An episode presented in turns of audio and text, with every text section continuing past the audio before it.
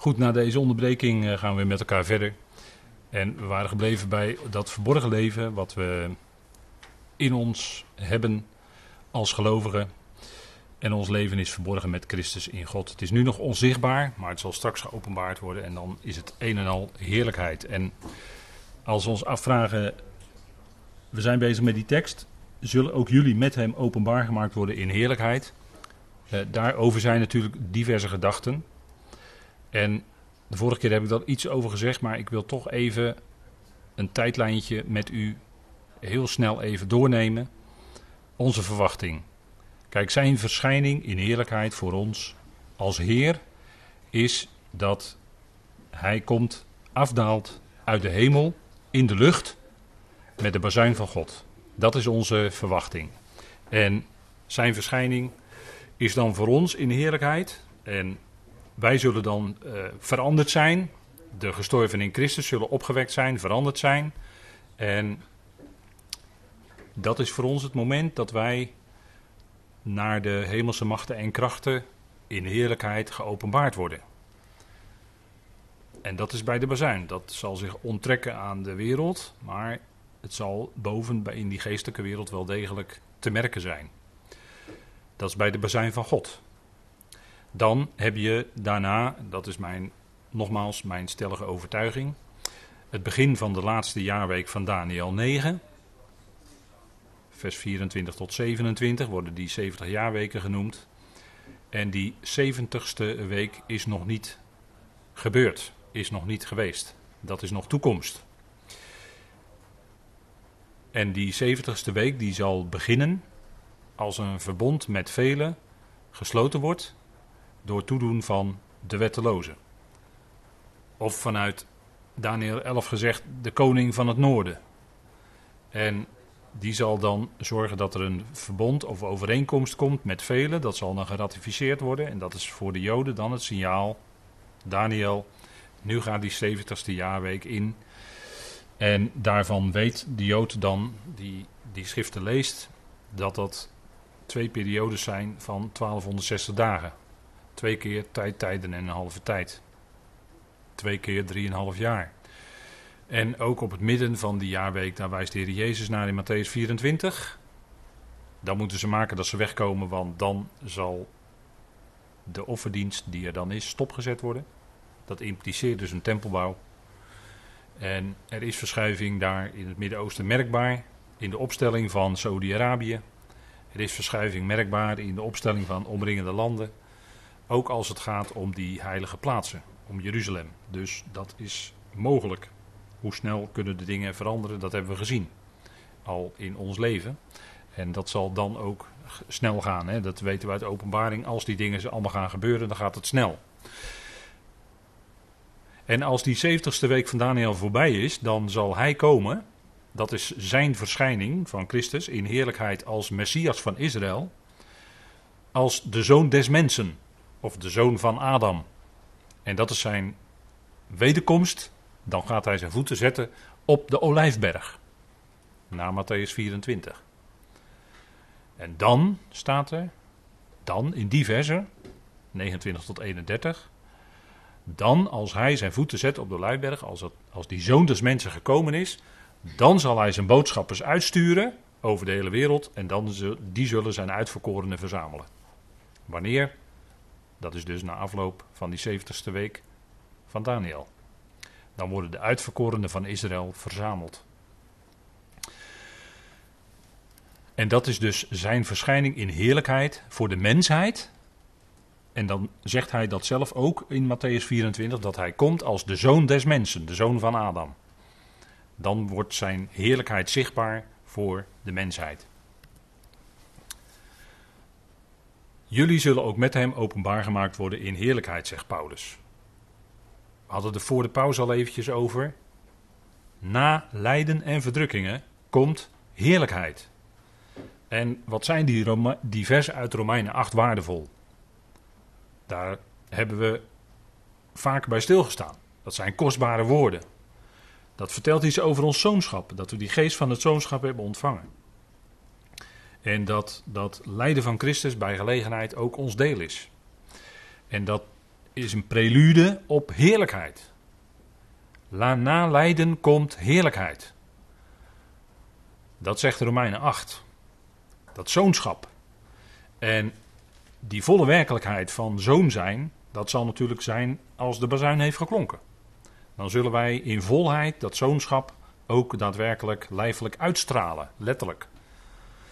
Dan hebben we in volheid die plaats van zoon. Maar dat hebben we nu al geestelijk gezien gekregen. En na lijden en verdrukkingen, wij maken nu lijden en verdrukkingen mee. Daar spreekt Romeinen 8 over, het zuchten van de schepping. Wij zuchten met die schepping mee. En die geest zucht in ons met onuitgesproken zuchten. Die geest, die bidt en pleit met ons mee. Die geest van het zoonschap, die is in ons. En in dat lijden, in die verdrukkingen, hebben we daardoor ook rijke troost en vastheid en zekerheid. We zijn zonen. En dat is natuurlijk eh, dat je dat meer en meer bewust wordt, eh, eh, dat is groei, geestelijke groei. Feitelijk ben je zoon, maar dat je dat ook in de praktijk, dat het meer en meer in je leven als gelovige werkelijkheid wordt, dat zoonschap, dat is een groeiproces, een rijpingsproces.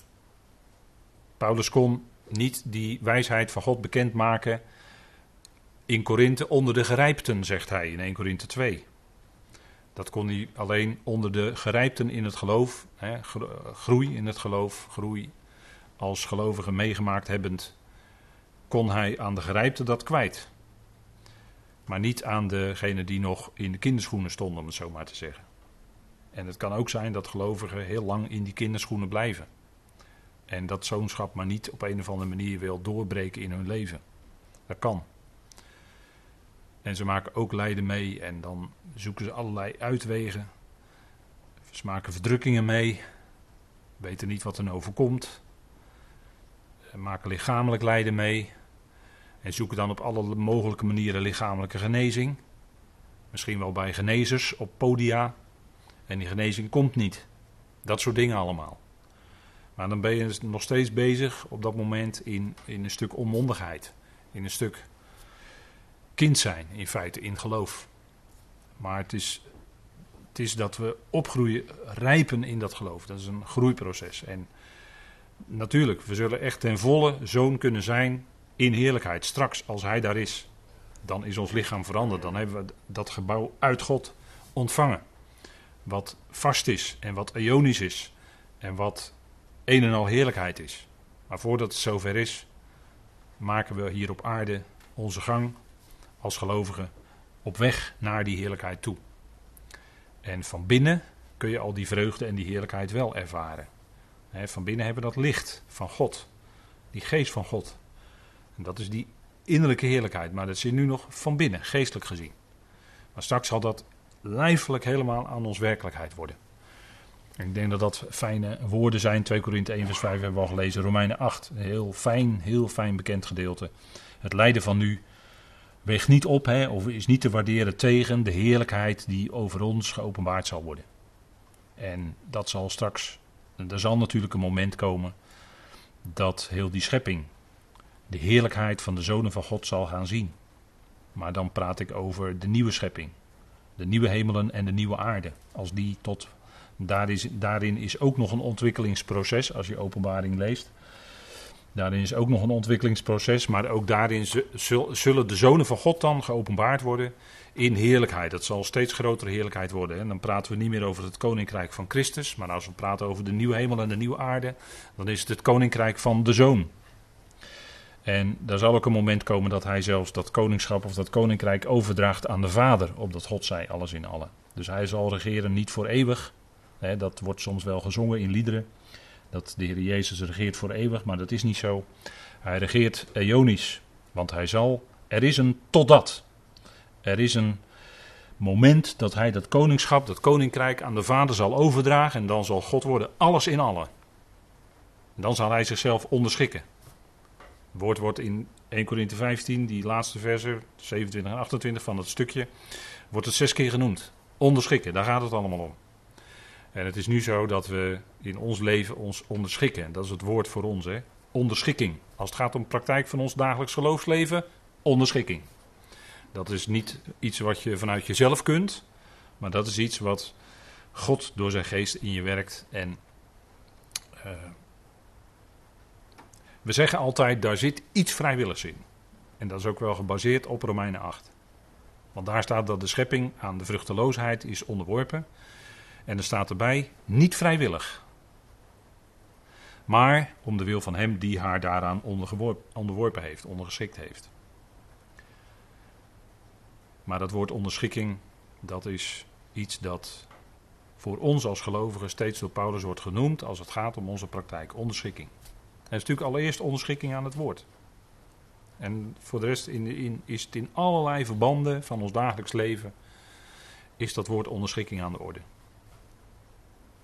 En uh, dat, is, dat is eigenlijk de weg die Paulus uh, wijst. Hè? Onderschikking. En dat leidt uiteindelijk ook tot heerlijkheid. Dat is de weg van vrede. Dat is de weg van ootmoedigheid. Dat is de weg die leidt tot heerlijkheid. En uh, dat is de gezindheid van Christus Jezus. Onderschikking. En dat, dat, hè, als zich dat zo uitwerkt in ons leven, dan wordt iets van het leven van Christus in ons zichtbaar. Daar gaat het naartoe. En dan zegt Paulus in vers 5, en dat is dat volgende stukje, maar dat sluit natuurlijk direct aan op die eerste vier versen. Breng dan ter dood jullie leden die op de aarde zijn, hoererij, onreinheid, hartstocht. En dat dan, dat woordje dan, dat is concluderend naar aanleiding van het voorgaande. Hè? Dan, op basis van wat je net gelezen hebt. Op basis van wat je net gehoord hebt. En dat is op basis van het feit dat wij gezamenlijk met Christus gestorven zijn. Ons leven is verborgen met Christus in God. En het is sterven. Breng dan ter dood. En Paulus gebruikt dan een hele sterke uitdrukking. En ik, uh, in, in, uh, voor de pauze had ik het over de doding. 2 Korinthe 4, de doding van de Heer Jezus. En dat is het woord necrosis. Daar hoort u het woord necro in. Hè? Dat, uh, dat kennen wij in het Nederlands van ons woord necrologie. Nou, in de schrift worden verschillende woorden gebruikt. En uh, necron is het woord wat echt te maken heeft met dood zijn. Dood zijn. En dan hebben we dus over echt iemand die echt overleden is. Iemand die dood is. En dit is concludeerd op het voorgaande, en dat wil zeggen vers 1 tot en met 4. Maar dat grijpt ook weer terug op een eerder, natuurlijk dat eerdere gedeelte, dat wij met Christus, hè, in de afstopen van het lichaam van het vlees, hoofdstuk 2 vers 11, in de besnijdenis van Christus, dat was zijn kruisiging. Hè, dat is niet de besnijdenis van Jezus, maar de besnijdenis van Christus, dat is zijn kruisiging. Gezamenlijk met hem begraven zijnd in de doop. Dus dat alles gezamenlijk met hem. En dat is de uitwerking van dat kruis. Hè? Dat die oude mens, en daar spreekt Paulus in zijn brieven regelmatig over, bijvoorbeeld Romeinen 6, vorige keer ook genoemd, hè? dat die oude mensheid tezamen met Christus mede gekruisigd is. Tezamen met Christus mede gekruisigd. En als effect daarvan, zegt Paulus, breng dan ter dood, dat is dus actief, afsterven, hè, doen afsterven of doodmaken of doden, Grieks necroo, u hoort het hè. Dus dood zijn, wil zeggen afsterven, dat woord wordt letterlijk gebruikt bij Abraham in Romeinen 4, toen hij niet meer in staat was om nog kinderen te krijgen. Afgestorven voor wat het verwekken van kinderen betreft.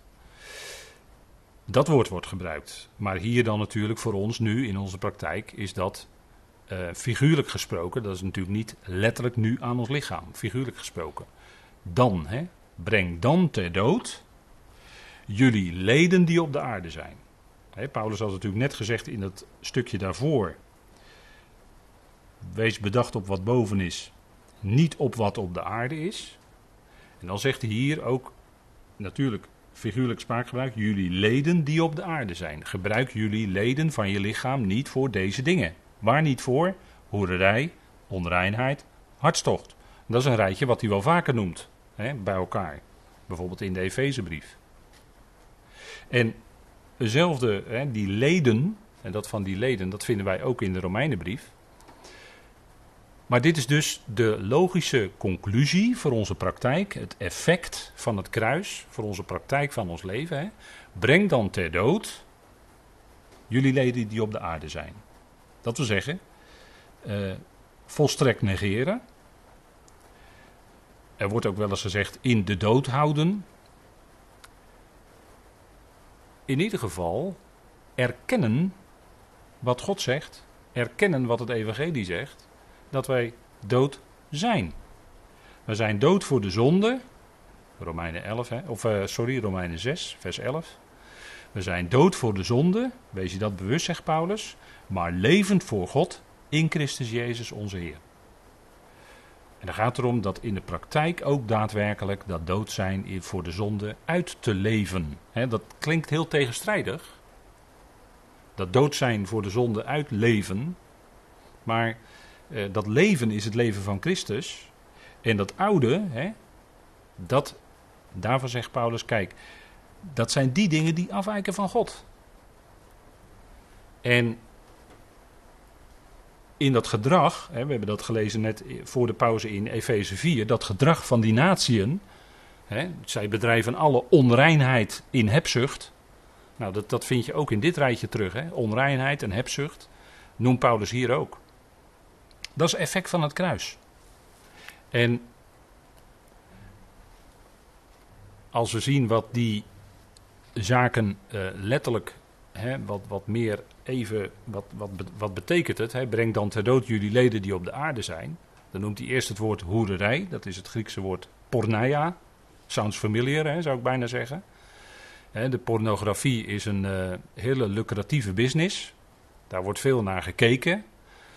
En dat heeft zo zijn schadelijke effecten natuurlijk. Hè, want dat werkt vaak verwoestend in mensenlevens. Werkt verwoestend in huwelijken daar hoef ik u denk weinig over te zeggen. Maar ik zeg het toch maar even duidelijk. dat is wat het doet. En uh, dat heeft ook te maken met uh, kopen. dat woord heeft ook te maken met kopen, verkopen. En uh, dan, dan kan je dat nog veel breder trekken. Alles wat zichzelf verkoopt aan, dat valt in, in feite onder, dit, onder deze term. Hè?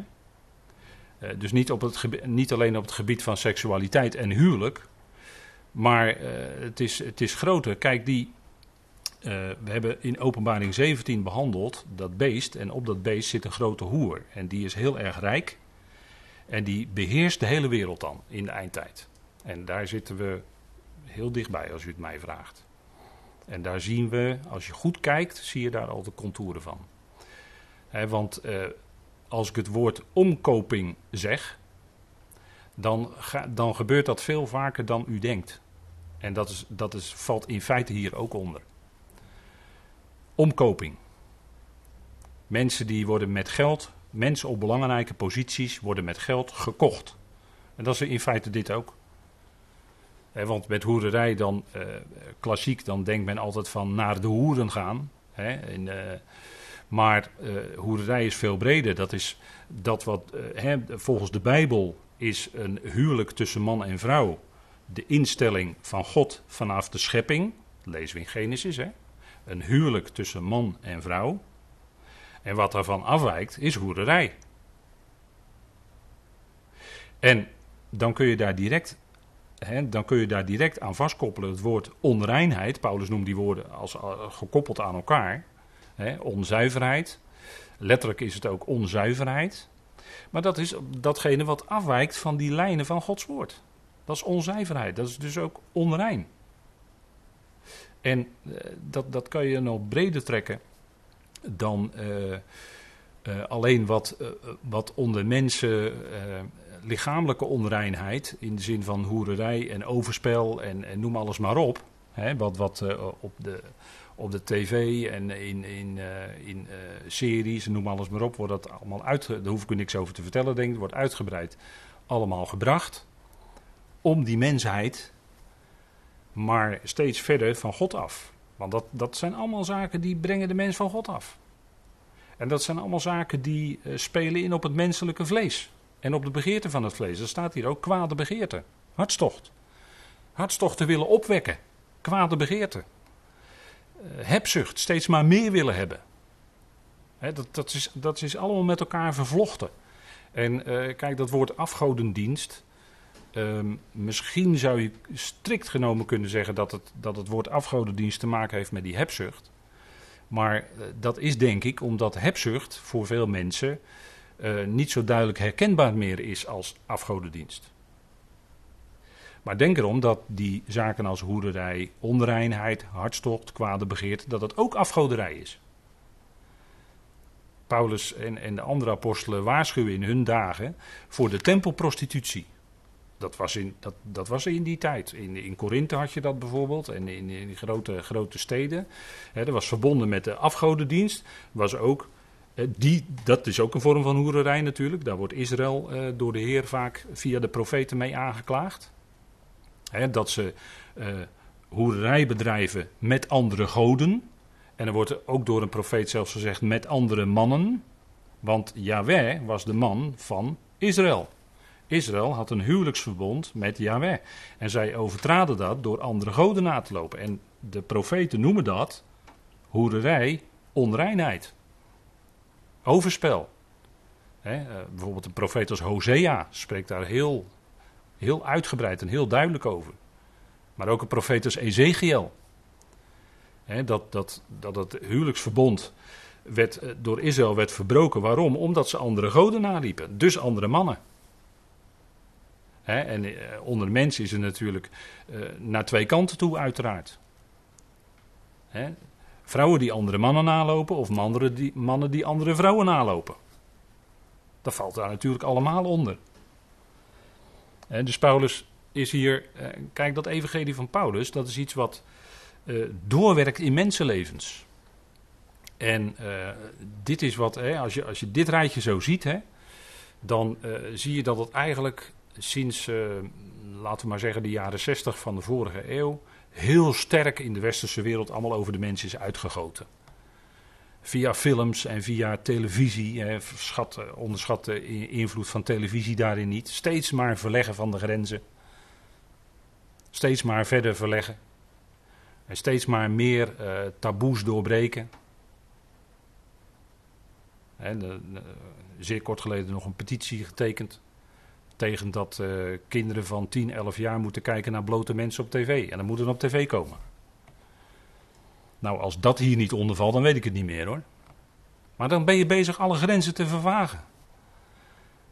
En, dan, dan, dan zie je welke geest daarachter zit, die al wat God in zijn woord daarover zegt, overboord wil gooien. En, en de wetteloosheid van het vlees uh, zijn gang maar wil laten gaan. Nou, dat is, dat is natuurlijk wat, wat, eh, waarvoor we ook die, die wapenrusting hebben. Hè. Dat Gods woord, kijk, uh, Romeinen 6 spreekt daar ook over. Hè, in dezelfde lijn als wat uh, hier in Colossense 3 staat. Hè, breng dan ter dood. Nou, Paulus zegt in Romeinen 6. Tegen ons als gelovigen. En stel je leden niet ter beschikking aan de zonde als wapens van de leden, hè, dus je, je lichaamsdelen, je lichaam, de leden van jouw lichaam. Hè. Stel die niet ten dienste van de zonde, maar als wapens van ongerechtigheid of wetteloosheid, maar stel jezelf ter beschikking aan God. En niet langer aan je eigen. Hè, want als je dit rijtje zo leest, is het allemaal heel erg op ik, hè, op jouzelf gericht, op vlees, op allemaal ik. Maar stel jezelf ter beschikking aan God, als uit de doden levend. En laat je leden wapens van gerechtigheid zijn voor God. Dat is de lijn van het evangelie van Paulus. En denkt u erom dat Paulus de enige apostel is die hier zo duidelijk en zo scherp over spreekt. Als consequentie van het kruis en de opstanding van onze Heer. En eh, dat doet hij ook in Romeinen 8 bijvoorbeeld. Want als je naar het vlees leeft, zegt Paulus, zul je sterven. Wat betekent dat? Als je naar het vlees leeft. Gebroken relatie met God. Dan is die bewuste relatie, die bewuste verbinding met God voor jouw ervaring is dan verbroken. Gebroken relatie met God. Als je echter door de geest de praktijken van het lichaam ter dood brengt, zul je leven. Nou, dus, dat is exact wat, wat Paulus hier ook in, in Colossense 3 zegt. Hè? En noem duidelijk de dingen bij de naam. En die, deze dingen zijn natuurlijk uh, sterk met elkaar verbonden. En dat, dat, uh, en, en dat is, uh, daar, daar, ja, daar is heel erg veel schade al aangericht in de loop van, van de tijden. Hè. Juist deze dingen. En dat, dat, dat, dat ene wat God ingesteld heeft, dat huwelijk tussen man en vrouw, dat is iets wat aan alle kanten door de, de tegenwerker uh, natuurlijk uh, geprobeerd wordt kapot te maken. Hè? De, de, de, de aanval, kijk, alles, alles wat met het gezin te maken heeft, dat wordt aangevallen. En dat is een hele bewuste aanval die wordt gedaan. De aanval op het gezin. Man, vrouw, kinderen. Alles, alles, alles moet anders. En dat moet allemaal kunnen. En als jij zegt dat dat niet kan, dan kom je voor de rechter en in de gevangenis. Want de wetten zijn allemaal al aangepast. Maar Gods woord is niet aangepast. Gods woord is hetzelfde gebleven. En dat is wat, dat is wat zo enorm aan de orde is. Kijk, als Paulus die zegt ongeveer hetzelfde in Efeze 5, uh, vers 6. Laat niemand jullie verleiden met lege woorden. Want door deze zaken komt de verontwaardiging van God over de zonen van de weerspannigheid. En dat zegt hij ook in Colossense. Maar in vers 5 zegt hij: Want dit zien en erkennen jullie dat geen enkele hoereerder of onreine of hebzuchtige die afgodendienaar is, lotgenieting heeft in de koningsheerschappij van Christus en God. dus dat heeft uh, consequenties voor je lotgenieting hebben in de koningsheerschappij van Christus en God. Dus dat zijn hele ernstige dingen. En Paulus wijst daar hier dus heel duidelijk op naar die Colossense, uh, waar ook allerlei invloeden, allerlei leringen uh, waren. Waarschijnlijk, hè, denkt men, denken uitleggers, uh, waarbij het alleen maar gaat om het innerlijk, hè, het, het innerlijk uh, leven en dat, uh, wat je met je lichaam doet, dat doet er dan niet zoveel toe. Dat soort dingen allemaal. Dat ging allemaal in die tijd rond, hè? ging allemaal rond. Waardoor mensen, ja, en, en hè, mensen zeiden misschien wel, zoals in Korinthe, zeiden ze misschien wel, ja, nou ja, goed, alles, ik kan alles wel doen, want het is toch allemaal genade en ik, ik weet niet wat men allemaal maar riep. Maar Paulus wijst hier in Colossense op de consequenties. Breng dan ter dood. Met andere woorden, geef daar absoluut geen enkele voeding aan. Afsterven. het, eh, het woord wat we gebruiken is afsterven, doodmaken. Dus geef het dan ook geen enkele kans. Geef het geen enkele kans. En, en eh, de, de, eh, ja, zoals we weten, de poorten naar ons hart, dat zijn onze oren en onze ogen. En via die weg wil de tegenstander, en die weet dat het zo werkt, die wil graag ons afbrengen van de juiste lijn. Dat we tot eer van God leven. Nou, dit is niet tot eer van Hem. Dit is tot oneer.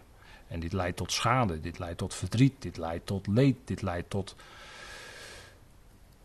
Noem maar op. Noem maar op. Het is één lange trein van ellende die eruit voortkomt.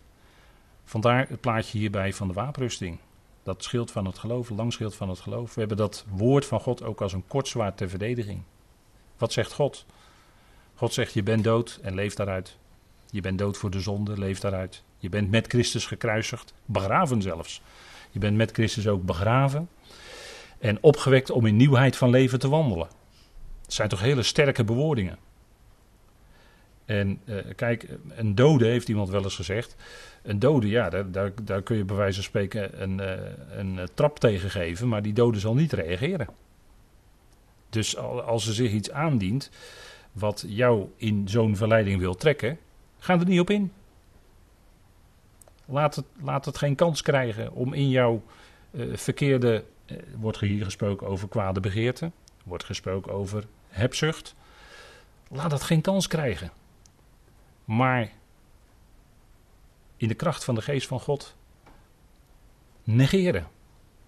Laat het niet tot een plantje in, in je worden wat gaat groeien. He, hartstocht, dat is een, ja, hartstocht is een uh, hele sterke passie. Hè? En dat komt voort uit uh, begeerte. En als je, kijk, andersom is het zo, als, je, als jij maar vanuit jezelf steeds gaat proberen om een bepaalde begeerte te onderdrukken, dat ga je verliezen. Maar als je in de lijn van en in de kracht van de geest van God naar het evangelie met God zegt, ja, daar ben ik dood voor. Moet je kijken hoe dat krachtig in je werkt, in je uitwerkt. Kijk, hebzucht, dat is uh, ja, uh, dat, dat vaak in geld, hè, maar het kan ook zijn in, in materie. Mensen die, uh, die steeds maar meer willen hebben, dat gaat hun hele leven overheersen. Maar dit zijn hele sterke dingen die Paulus hier noemt. En dat doet hij heel duidelijk, omdat dit natuurlijk dingen zijn die hele mensenlevens en hele huwelijken en noem alles maar op kapot maken. En, en God is eruit dat het, dat het heel blijft. En dat deze dingen er niet tussen kunnen komen. Breng dan ter dood, dood dan, maak dan dood jullie leden die op de aarde zijn. Daar zijn ze niet voor bedoeld. Jouw leden, jouw lichaamsleden, de leden van jouw lichaam, je oren, je ogen, je armen, je handen, je voeten, je benen, die zijn niet bedoeld voor deze dingen. Maar die zijn bedoeld om ten dienste van God te zijn. Dat is recht. Dat is in overeenstemming met zijn rechtvaardigheid. En uh, dat, is, ja, dat zijn de consequenties, dat is de consequentie van het kruis. En, en daar kun je alleen maar geweldig blij en dankbaar mee zijn. Dat God je daarin dan bewaart. En, en uh, ja, dat zijn die dingen die. En je ziet mensen in de wereld die, die daar niet aan kunnen ontkomen, die in, in zulke vallen trappen en noem alles maar op. En verleiding ligt zo gauw en subtiel en snel op de loer. Wees er alert op. Hè, dat is, uh, dit, dit zijn natuurlijk uh, ernstige dingen waarvoor uh, God ook zijn volk Israël, de twee en de tien stammen, uit het, uit het land verdreven heeft. Dat zijn deze dingen, want met die afgoderij gingen ook deze dingen gepaard. dat uh, op, één dag, hè, Paulus die zegt het ook in 1 Corinthië 10, dan, grijpt hij terug op zo'n gebeurtenis. Dat ze vervielen tot afgoderij en dat leidde ook tot deze dingen bij het volk Israël, 1 Corinthië 10. En dan zegt hij tegen de gelovigen, ja jij die meent te staan, kijk uit dat je niet valt. Kijk naar het voorbeeld van Israël uit het verleden. Al die dingen zijn ons tot voorbeelden opgeschreven. Opdat we daaruit zouden leren. die hele schrift is ons tot voorbeeld opgeschreven. Dat we zouden leren. Israël was verbonden aan Yahweh in een huwelijksverbond, maar dat hebben zij verbroken. Yahweh niet, zij hebben dat verbroken. En daarom komt er straks ook een nieuw verbond. Dat is de genade van de Heer. Dat hij opnieuw met Israël dan komt in een verbond, dat nieuwe verbond, en dat zal natuurlijk een geweldige tijd zijn, want dan zullen die twee en de tien stammen weer één zijn en dan zullen ze weer verbonden zijn met hun God. En dat, dat is het nieuwe verbond, die wedergeboorte van Israël. dat zijn geweldige dingen, die, dat zal in de duizendjarig rijk zo zijn op aarde. Kijk, u en ik als gelovigen van het lichaam van Christus, wij hebben geen deel aan het nieuwe verbond. Paulus gebruikt dat woord wel, maar dat is in, dat is in een bepaalde vorm van beeldspraak. Daarmee wil hij ons iets duidelijk maken. Maar wij als leden van het lichaam van Christus, dat lichaam van Christus is geen deel van het nieuwe verbond. Dat nieuwe verbond sluit de Heer met Israël. En niet met de gemeente. Ik denk dat dat ook voor ons helemaal duidelijk is. Hè? En, en dan is het ook die afgodendienst voorbij. Maar Israël verviel tot afgoderij. En dat was een treurige geschiedenis. Waarbij de Heer heel langmoedig was, maar op een gegeven moment was het toch einde verhaal. Ze moesten uit zijn huis, ze moesten uit het land, ze gingen in ballingschap en na zoveel jaar komen ze weer. Nu zijn ze weer terug, maar nog steeds in ongeloof. Voor het overgrote deel. En dat, uh, dat nieuwe verbond, dat is nog toekomstmuziek. Goed, die, uh, verontwaardiging, wat Paulus zegt in Colossense 3, dat om deze dingen komt de verontwaardiging van God, moet je nagaan, komt de verontwaardiging van God over de zonen van de weerspannigheid. En de zonen van de weerspannigheid, dat is eigenlijk een uitdrukking, dat is eigenlijk een Hebreeuwse uitdrukking, hè, zonen van iets, dat is een typisch Oosterse uitdrukking. Uh, zonen van de weerspannigheid is eigenlijk een aanduiding voor Israël. Het onbuigzame Israël. Israël met hun harde, onbuigzame nek. Ze zijn niet te overtuigen. Dat zegt het Griekse woord eigenlijk, hè? Niet te overtuigen. En dat komt, en dat heb ik al vandaag eerder gememoreerd, omdat in deze tijd over hen is een geest van verdoving. Het, kan wel, het woord kan wel tot ze gesproken worden, maar ze zijn er doof voor. Het dringt niet door. Het lijkt wel of er een muur tussen zit. Nou, over die dingen hè, de, die, uh, die Paulus noemt, onreinheid, hebzucht, hoerderij, hartstocht, boze begeerte. Om die dingen komt de verontwaardiging van God over de zonen van de weerspannigheid. En dat is die periode van grote verdrukking die nog aanstaande is over Israël. En het is niet prettig om dat te zeggen, maar het profetie zegt het. Profetie zegt het. Die grote verdrukking komt nog over Israël en dat is een uiting van Gods verontwaardiging. En die verontwaardiging zal vervolgens ook komen over de volkeren. Zeker. Maar bedenk dat Paulus hier wel zegt van, kijk, om die dingen komt die verontwaardiging van God over de zonen van de weerspannigheid. Zo ernstig neemt God dat. En dat is wat dan nog gaat gebeuren. Hè? Dat is, en, en ik ben er zo van overtuigd dat, dat, dat we daar echt al die dingen, dat Midden-Oosten en noem alles maar op, dat is allemaal zo dichtbij. Qua tijd ook. Maar Israël zal uiteindelijk toch in het nieuwe verbond, zullen zij toch weer zonen zijn van de Allerhoogste God. En zullen dat evangelie van het koninkrijk uitdragen in de duizend jaar. Dat is natuurlijk een geweldige tijd zal dan aanbreken. Maar tot die tijd is het druk. Zal het niet anders zijn dan toenemende druk en verdrukking. Maar wij heffen onze hoofden op. Want wij zien uit naar dat grote moment dat de bezuin klinkt. Goed, tot zover voor vanavond. Ik wil graag met u afsluiten met een dankgebed. Vader, dank u wel dat na deze zeer ernstige dingen die we hebben overwogen met elkaar, waarover u duidelijk spreekt in uw woord. Vader, dank u wel dat u ons daarop wijst en dat we daar langs die lijnen wandelen, langs de lijnen die u aangeeft. Vader, dank u wel dat de schrift, dat het evangelie wat Paulus ons brengt, zo duidelijk is en zo duidelijk laat zien wat de lijnen zijn. Vader, dank u wel dat we door u geroepenen zijn en dat we inderdaad de leden van ons lichaam mogen stellen tot, ten dienste van u, tot eer van u. Dank u wel, Vader, dat u ons daartoe inzet en daartoe de kracht geeft. We danken u voor uw trouw, voor uw goedheid, voor uw liefde. En dank u wel dat dat zo ook in onze levens zichtbaar wordt. En Vader, dank u wel dat u dat uitwerkt. Dat het is tot eer van u. Vader, bewaar ons in uw liefde. Bewaar ons voor deze hele akelige dingen die Paulus moet opzommen om heel duidelijk te zijn wat de werken van het vlees zijn. Vader, dank u wel dat we die geest van u hebben ontvangen. En dat we daarom kunnen wandelen in de geest. En niet wandelen en niet die begeerte van het vlees volbrengen. Vader, dank u wel dat u trouw bent voor het woord wat u geeft in alle rijkheid en wijsheid.